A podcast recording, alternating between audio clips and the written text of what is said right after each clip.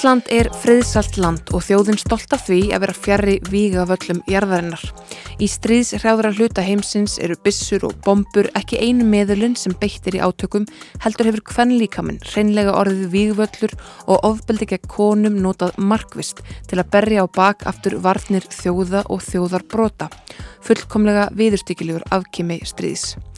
Það er ekki endilega rétt að íslenskar konur eigi að halla sér aftur við tíðindi sem þessu utan á heimi og segja Guð hvað ég er heppin að hafa fæðist í friðsumu landi þar sem ég er ekki beitt kynferðsóbildi í vopnuðum átökum. Það þarf ekki vera þakkláttur fyrir þau sjálfsögðu mannreitnindi að getum frjálst höfu strókið í heimalandi sínu. Hinn hliðin á óhefni er ekki hefni. Það eru hins vegar umurleg örlög fyrir konur og stúlkur sem fæðast inn í samfélög sem enga virðingu bera fyrir þeim, þar sem mentun hvenna þykir ónöðsynleg eða jafnvel afkáráleg og framtíðar horfurnar eru myrkar og tækjafæri snöðar. Þær konur eru hefnar þegar hjálparsamtök og bartu fólk beinir sjónum sínum að nær um hverju þeirra og tekst með átaki að koma á mentun fyrir stúlkur, fræða um mannreitindi, breyta viðhorfum heilra samfélaga til hvenna og framtíðar þeirra og blása þeim byr í brjóst um að lífið geti verið svo miklu, miklu betra. Í stríðsátökum er engin örlegavaldur í eigin lífi en vonin um að geta öðlast betra líf er gríðar stert afl. Gestur kynstrana allra í dag er slík baróttu kona.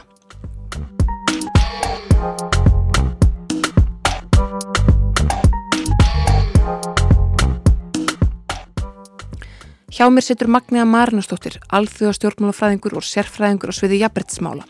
Magniða hefur unnið viðsvegur um heim við að bæta lífstúlkna og kvenna meðal annars í Afganistan, á Balkanskaganum og í Ísrael og Palestínu. En hún hefur einnig starfað í teimi Alþjóðaráðs Rauðakrossins um aðgerðir sem lúta að fyrirbyggjandi aðgerðum og viðbröðum við kynferðsóbeldi sem framið er í tengslum við vopnuð átök. Um þessar myndir starfar Magniða við móttöku flóttafólks frá Afganistan til Íslands. Velkomin Magniða. Já, takk fyrir. Byrjum kannski á að ræða yngang þessa þáttar. Uh, hvernig er kynferðsóbeldi beitt í stríðsátökum? Já, það hafa nú verið gerða nokkra greiningar á því og það er svona kannski meinaturum með þrannskonar hætti.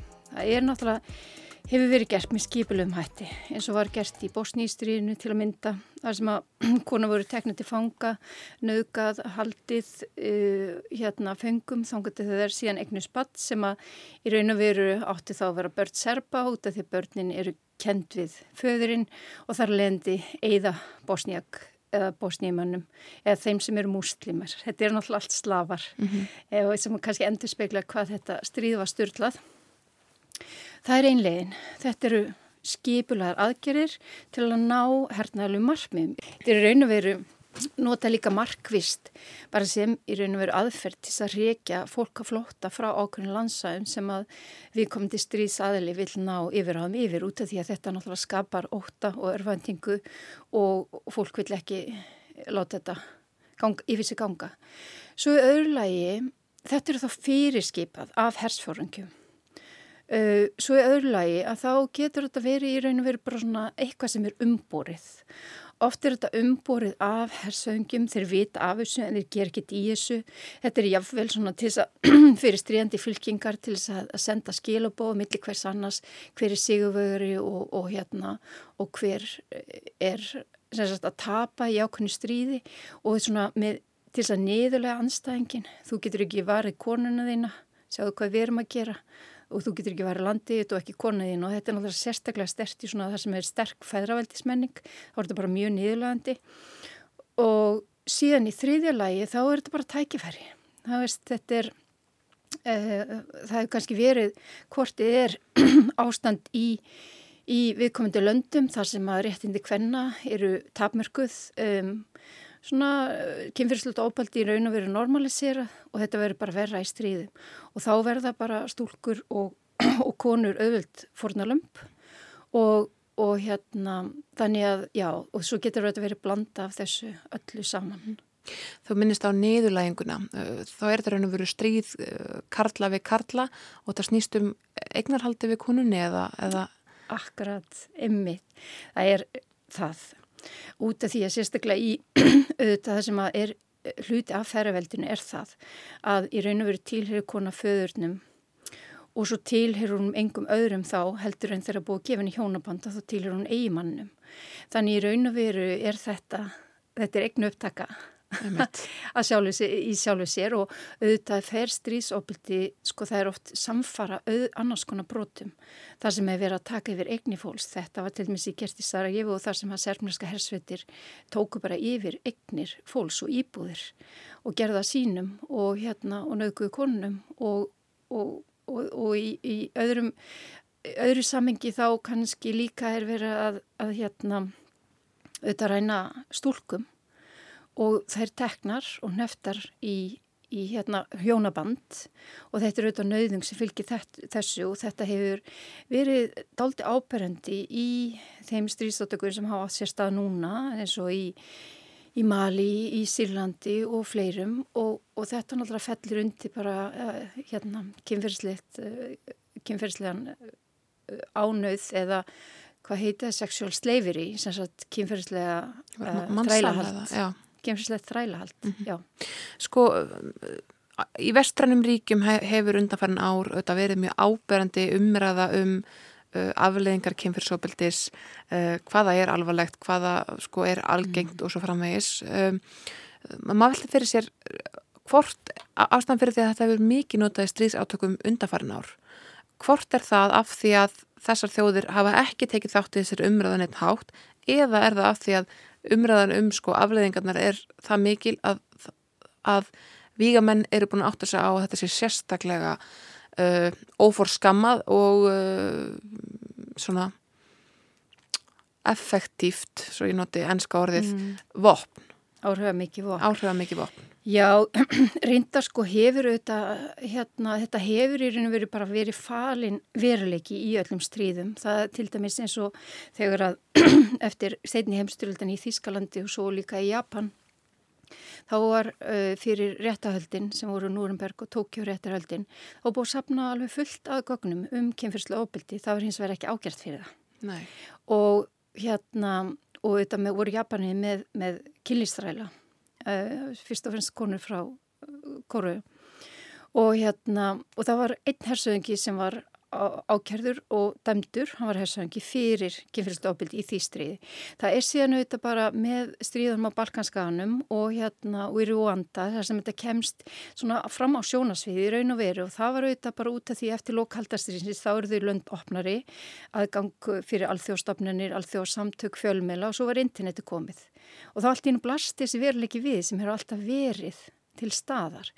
En hérna þannig að ég held að að þeir sem að, að, að nota þetta sem vopn, þetta, þetta er náttúrulega endurspegla líka ákveðin viðhor gagvart óvinnum. Hann er einski svirði, það er svo mikið afmöskun sem fer fram í stríði og það að taka konurnar sem að tilhör ekki þínum hópi og gera þeirra kynlistrælum og, og, og, veist, og halda upp á þeim.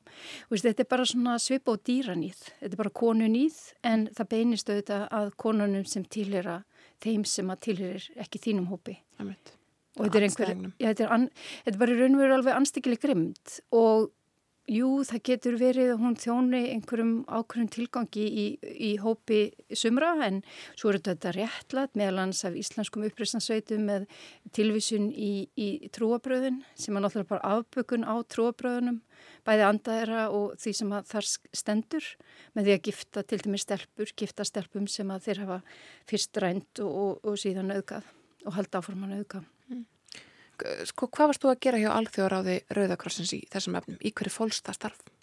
Já, það fólst í því að ég fór á vegum hérna Rauðakross Íslands sem gerði samkvæmlega Alþjóðaráðið um að styrkja stansið með teimi sem var stoppsett 2018 og í raun og veru gengur út af það að bæta þekkingu og getu starfsmanna uh, Rauðakrossins eða Alþjóðaráðsins á vettfangi sem starf á stríðstáttökarsvæðum til þess að bregðast við kynferðslu óbyldi og í raun og veru mitt megi verkefni það var að vinna að þjálfun, svona 34 að þjálfun starfsmanna, sendinemda og vettvangi til þess að, að skoða uh, með gaggrinnum auðum hvað þeir eru að gera og hvernig þeir geta bætt sig. Og fyrst og fremst þeirra kemur að forvörnum og hérna og dráur áhættunu eða hættunu á kynfyrstu ofbeldi og ekki sísta bregðast við ofbeldinu með þólandavennum hætti gagvart þólendum út af því að auðvitað í flestum löndunum og eins og hér líka þá er náttúrulega þólendaskömmin þess eðlis að, að, hérna, að það er jáfnvel fornalömpin eða þólendinir þeir, þeir jáfnvel eru útskufur úr fjölskyldunni uh, jáfnvel drefnir eða taka sitt eigi líf.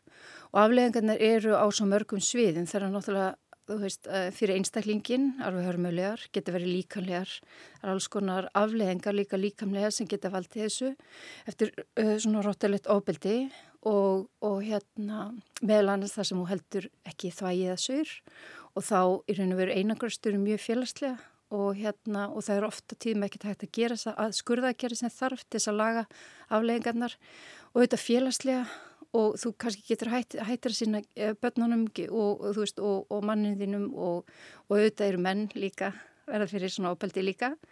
Og svo náttúrulega getur þú hugsalega ekki lengur farið unni fyrir þér eða ert kannski að finna fyrir þér þannig að, að það eru, afleikarnir eru gífurlega vittakar auðvitað fyrir fjálskeitninu líka og fyrir samfélagin Æmitt uh, Sko við á Íslandi búum auðvitað við það að vera með hérna alls konar úrræði fyrir fólk sem verður fyrir kynfyrsopeldi. Eru þessi hjálparsamtökur, Rauðukrossin og fleiri búin að stíga það skreiti fulls bara eh, sálgæsla og um eitt heilbreyðistjónustæðins og nefnir. Sko, er þetta til staðar í þessum löndum sem að umræðir? Það er Það er mísjamt en það eru þessar alþjóðstofni sem starfa. Oft á tíðum þá eru kannski taldi margar eh, stofnir sem starfa. Það eru saminni þjóðstofnanir og það er alþjóðraði, það er kannski lækna á landamær og því líkt. Og þá oft á tíðum auðvitað sko eitt af því sem að þau verður að að, að, að hérna, vinna að vera að setja upp svona tilvísunkerfi. Það sem að viðkomandi þólandi er, við fer fyrst til læknis, hugsalega auðvitað til þess að, að hérna, fá uh, læknisaðstóð, helbilsaðstóð, síðan er kannski vísað áfram til uh, sálfræðins eða einhver sem getur veitt sálgæslu og það er náttúrulega líka síðan verið að reyna aðstofa fólk efnaðarslega eða þólindur.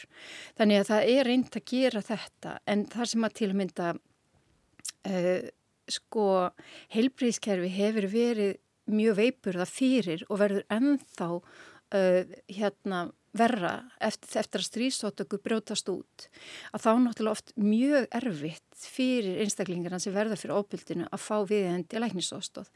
Það getur líka verið sérstaklega þar sem að er svona e, stjórnaríkinu er þetta alltaf mikið höndum eins hóps sem er að beita sér kakvart öðrum eins og bara kannski tígrei hér að í Eþjópíu að fólk treyst ekki stopnunum út af þær eru einhverju reknar af hópi eða fulltrum hóp sem er að berjast gegn þeirra fólki. Mm -hmm. Þannig að það getur líka orðið mjög flókið að bara treysta stopninu ríkisins og hvert leitar þau þá þá er oft rosalega hérna tapmarka það sem fólk getur verið en alþjóraðu auðvitað á samt öðru stopnum er að reyna að bæta þetta og það sendir fólk á vettang til þess að veita læknistjónustu og ræður fólk líka til starfa til þess að veita þessa þjónustu eins mikið og mögulegt er. Mm. Í hverju fælst svona forvartastarfið eh, sem að þessar stopnarnir vinna? Sko alþjóraðið, náttúrulega forvartastarf alþjóraðansins gengur uh, fyrst og fremst út á tvend í raun og veru eða þrend myndi ég segja. Þeir eru náttúrulega aðgang að stríðandi fylkingum. Þannig að þeir reyna að hafa áhrif bæði á stjórnarheri og uppreysnarsveitir og, og reyna að hafa áhrif á það hvernig þeir beita sér í stríðsátökum. Þeir eru að meðla upplýsingu um mannálög og það bannselig við því að, að hérna ráðast gegn uh, saklusum borgurum og beita ekki fyrir sópildi og hvað aflenga það getur haft. Út af nú fyrst, nú eru í fyrsta skipti sögunni hérna á tíunda áratögnum voru komið, dómar og komið ákerur og, sakfellingar fyrir slikt ópildi. Svo er annars það að þá er mikið verið að kortleggja laugin og hvers konar uh, að hversu miklu leiti kynfyrslu ópildi er uh, refsi verðt og þá hverjir geta verið þólendur. Í mörgu löndin til dæmis þá eru það engungu konur sem samkvæmt lögum eru þólendur mm. og karlar eru engungu gerendur.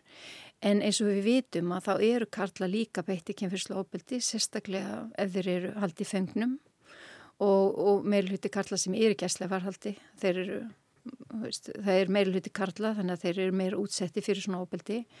Hvort sem það er framið að, að hérna, fangins í völdum eða, eða hérna, öðrum. Og þannig að það er reynd að skoða þetta og líka til dæmis að það eru lönd til dæmis, það eru lög í sumum löndum þar sem að ef þú leita til mynda til e, læknis að þá e, ber lækninu skilda til þess að kæra þetta eða láta lögurglana vita.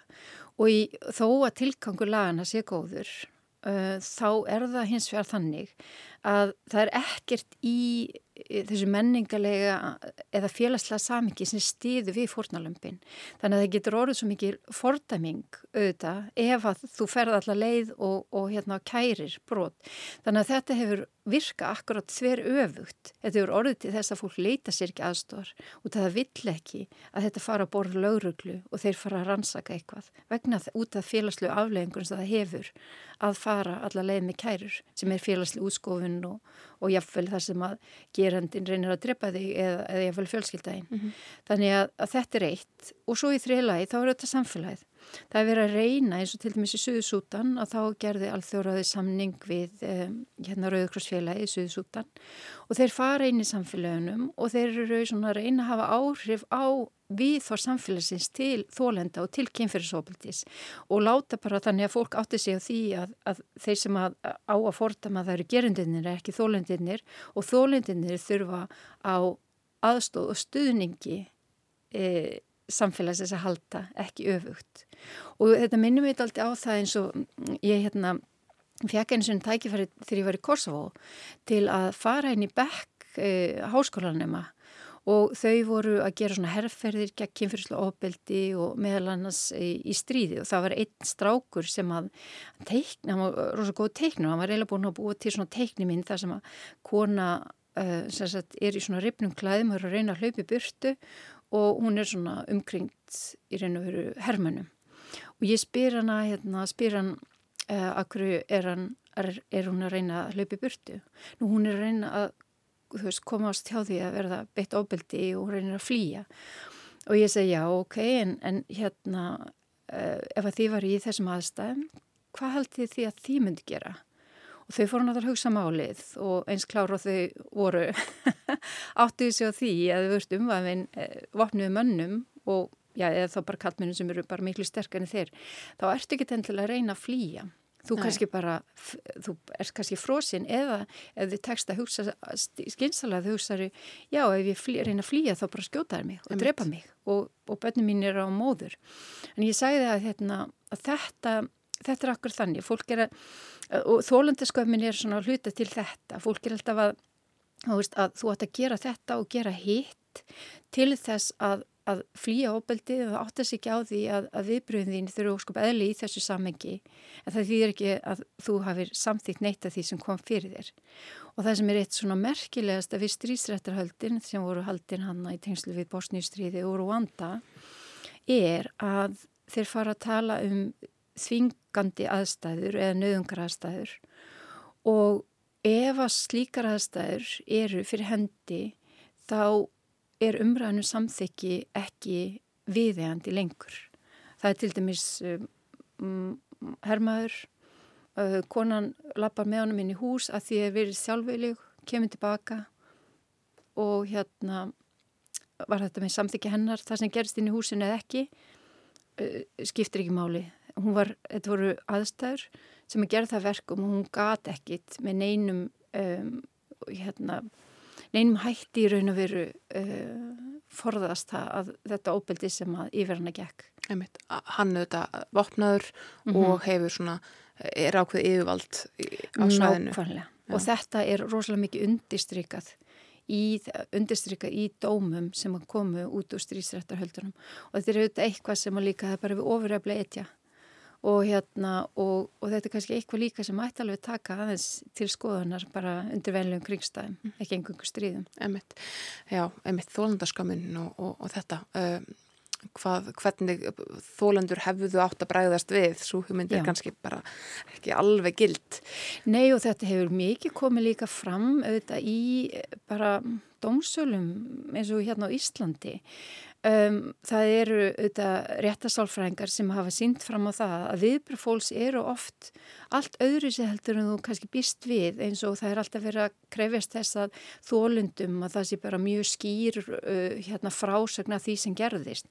Út af því að fólk hefur svo tapmarkaðan skilning á áhrif áfalla á, á, á þólendur mm. og það getur verið svo margt sem að er bara í óminnistóku eða þú mannst eitt í dag og annað morgun og, svo, og, og þú ert ekki eins og kannski vissum hvað raunverulega gerðist þannig að það er og og ég meina manneskjur frjósa, það, er reyna að hlaupa í burtu eða það er reyna að berjast á móti. Það er mjög einstaklisbundi hvernig fólk bregst við og hérna þannig að, en það er ekkert rétt í þessu og ekkert dránt í þessu. Það er bara mismöndi viðbröð. Hvernig gengur að breyta þessum miðhorfum eins og þú nefndir á hann í Sútan og, og fleiri stöðum að fólk áttu sig á því hvar, hvar skömmin á að leggja?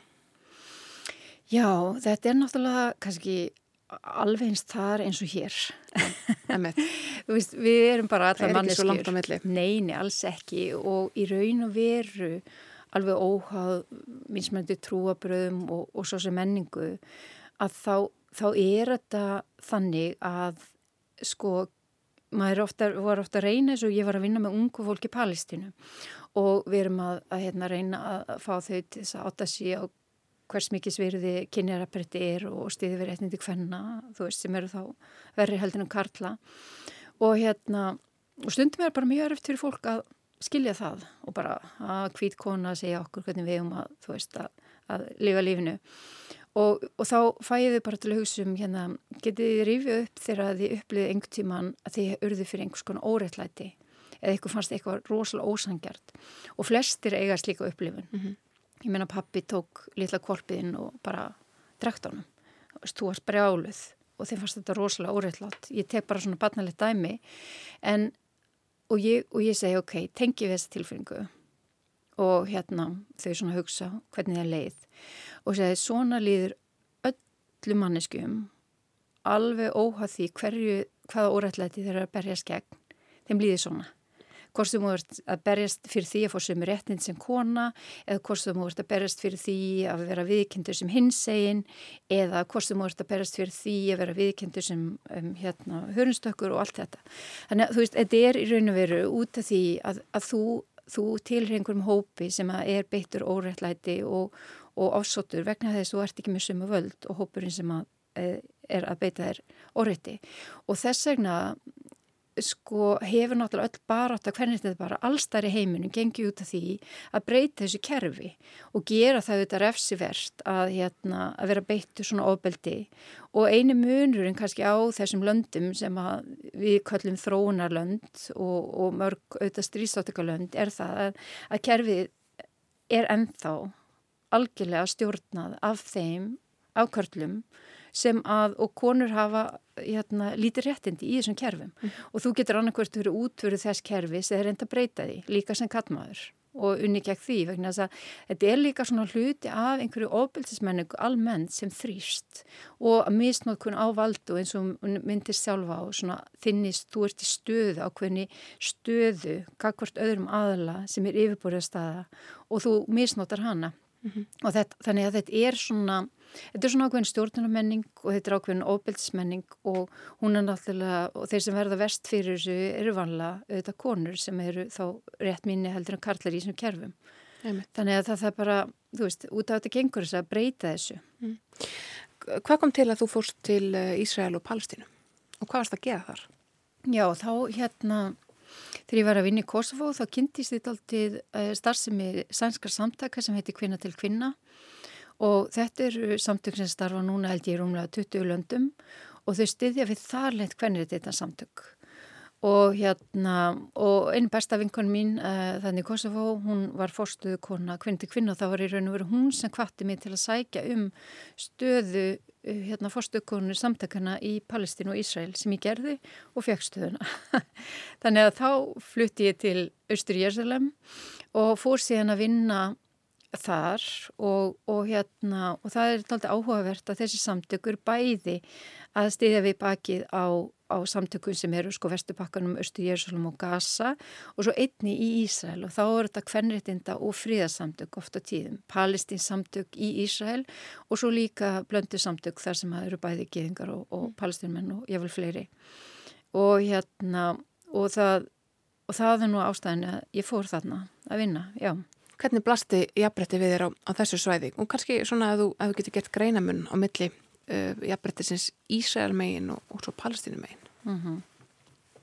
Já þá náttúrulega þetta er náttúrulega ja, Palestínumegin sko er, er það er mikið feðraveldi þar og auðvita er erfitt að berjast fyrir eh, jafnbretti Karl og Kvenna í þessu pólitíska samhengi sem er þar þó að sé náttúrulega fullt af samtökum sem gera það og, og hérna og út af því að, að það er verið að reyna að byggja þarna upp uh, ríki sem að hérna og vonandi verður það sjálfstætt eitt góðan við þetta en hérna þannig að Ísrael er, er komið úsæðilega lengra þegar kemur sko jafnbrytti kalla og hvenna svona eins og í aðtunulífinu og, og þvíunlíkt En það er líka bara meðalans vegna þess að mín aðtunleysi í Ísrael heldur en er í palströmmunum og eina ástæðan fyrir því að,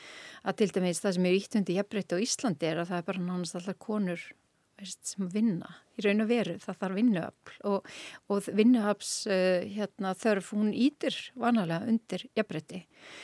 En hérna, en á báðum stöðunum að þá náttúrulega hafa trúabröðin sitt að segja bæði í röðum réttrúnagiðinga og svo auðvitað palestirmanna sem að hérna, fylgja, það sem er mikið fyrir að fylgja sér í að lögum í hérna, fjölskyldumálum.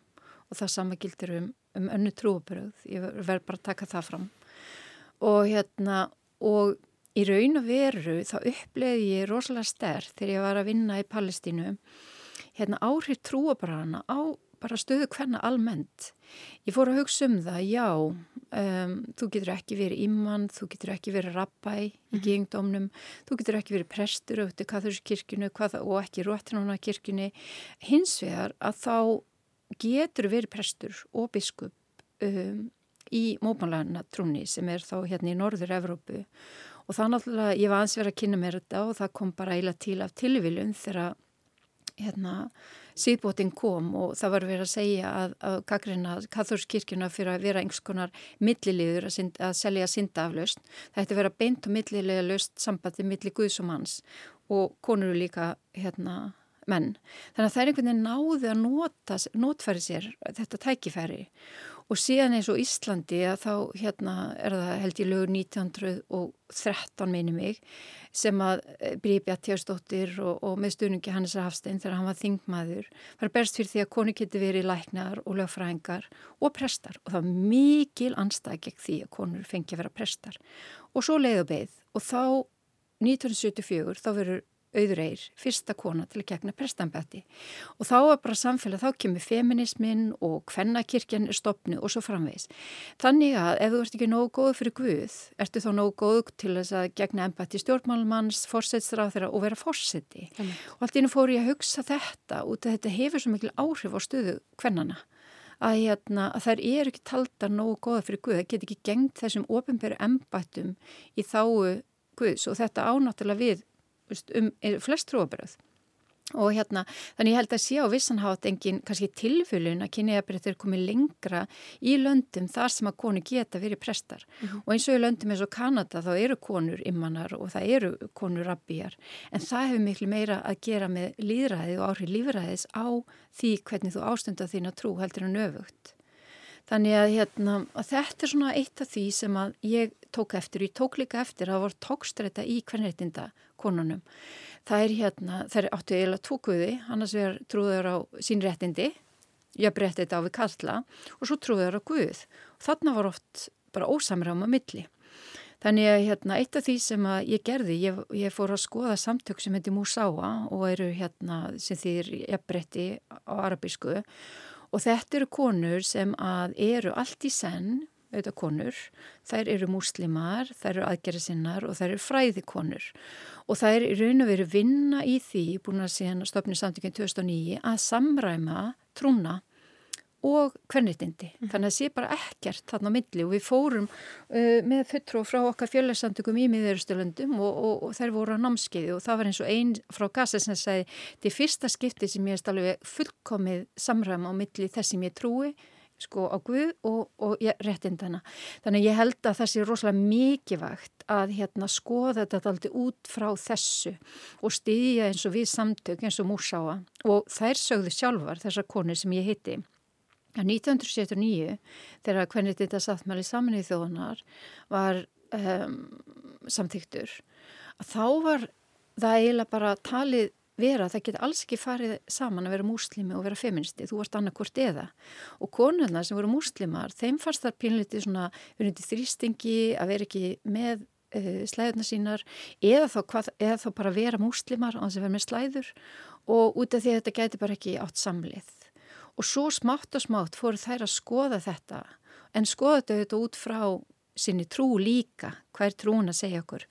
Þannig að eh, já, þetta er svona þetta er svona daldi áskorun mm -hmm. í mörgu löndi þar sem að trúin rumvöla skiptir fólk miklu málu og hluta sjálfsmynd þess. Einmitt, og, og, og, og það ég held að það sé alveg óhótt að fullir það að uh, kynjægabrætti er, eins og þú nefnir, skemra á veg komið í löndum þar sem að trúrækni er mikil og jafnvel uh, jáðar að við trúar ofstæki á köplum uh, sem er mm. kannski ágætis rennibröð inn í uh, hérna loka samtala okkar sem eru um Afganistan mm. þú hefur verið þar og núna ert að aðstóða uh, afgarska flótamenn við komuna til landsins. Mm -hmm. Hvernig horfið staðan þar við nú þegar talibanar tóku landið yfir á bara korteri svo það sé sagt? Já Já, ég var hérna 2067 hér að sem heitir Gór sem er hérna í miðhálendi Afganistan og auðvitað var hluti af þessari eh, hérna, þessari frelsis sveit, svona einan gæsalappa sem var þar af hugur NATO og bjóð herst og við vorum allir í tjöldum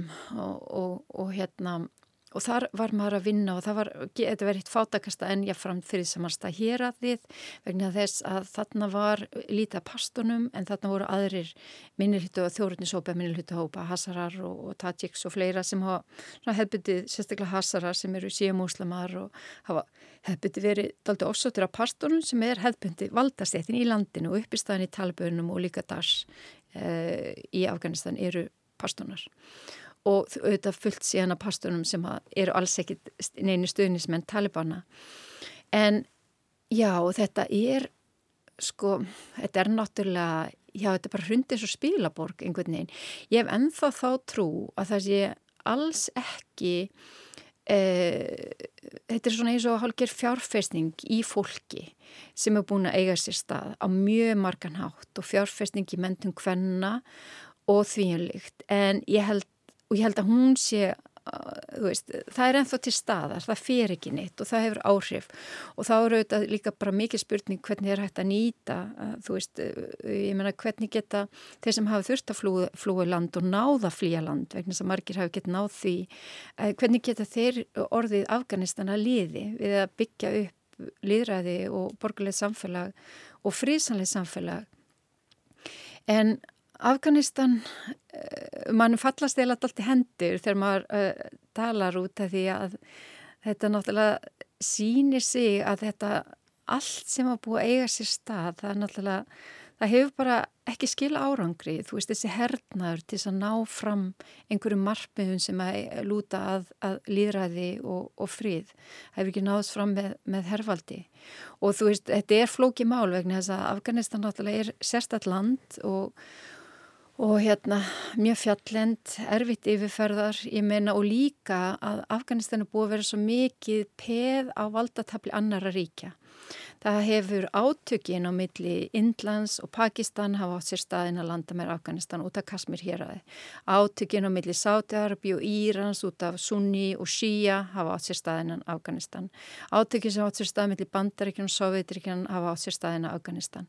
Það er í raun og veru svo í sögu Afganistan sem hefur bara ekkert með Afgan að gera og allt með þetta bröld og valda baratu á milli stærri ríkja að gera og, og hérna hann er að út á tímabili þá náttúrulega Afganistan var stopnað sem konusveldi 1911 og síðan verður ákveðin þróun hérna, lýraðstróun en það, það fara Það eru, eru nágrannreikin og það eru svona geopolítískir hagsmunir sem hafa alltaf, alveg frá því að, að Afganistan var sjálfstætt ríki, haft rosalega mikið áhrif á því að hvað hefur gerst þarna. Mm.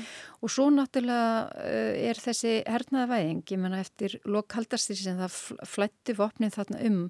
Það eru málaliðar uh, sem koma hérna og þaðan og það er alveg þekkt að, að hérna bandarækja menn svona æstu upp trúarhittan í, í hérna mútjahínunum til þess að berjast gegn e, þessum guðleysingum sem að kommunistirnar átt að vera sóðutmenn og, og þá fylgjast hérna menn sem eru innblásnir af einhverju trúarástaki e, og ég held að í, í, í Pakistan á einhverju tímpunkti þá var sko hérna liðsmenn mútjahýta frá bara 34 löndum eða eitthvað og þeir eru orðinni svo alþjóðafættir þeir bara nota alla þess alþjóðatækni sem er til er til eiga samskipti og þannig að ótrúlega hversu skipulagi talibanni voru þeir eru tókuð yfir Afganistan Amen. þeir voru bara tilbúnir og, og þeir voru bara eins og bara sellur sátu færis bara. já, sátu bara færis og þetta voru bara eins og sell, sofandi sellur mm -hmm. svo bara þegar kalli kom þá bara 1 og 3 mm. og það er alltaf áhugavert út af því að stundu sagt með svona óbildi stríum eins og kynfyrirsóbildi að það sé vegna þess að hersveitina ná ekki að stjórna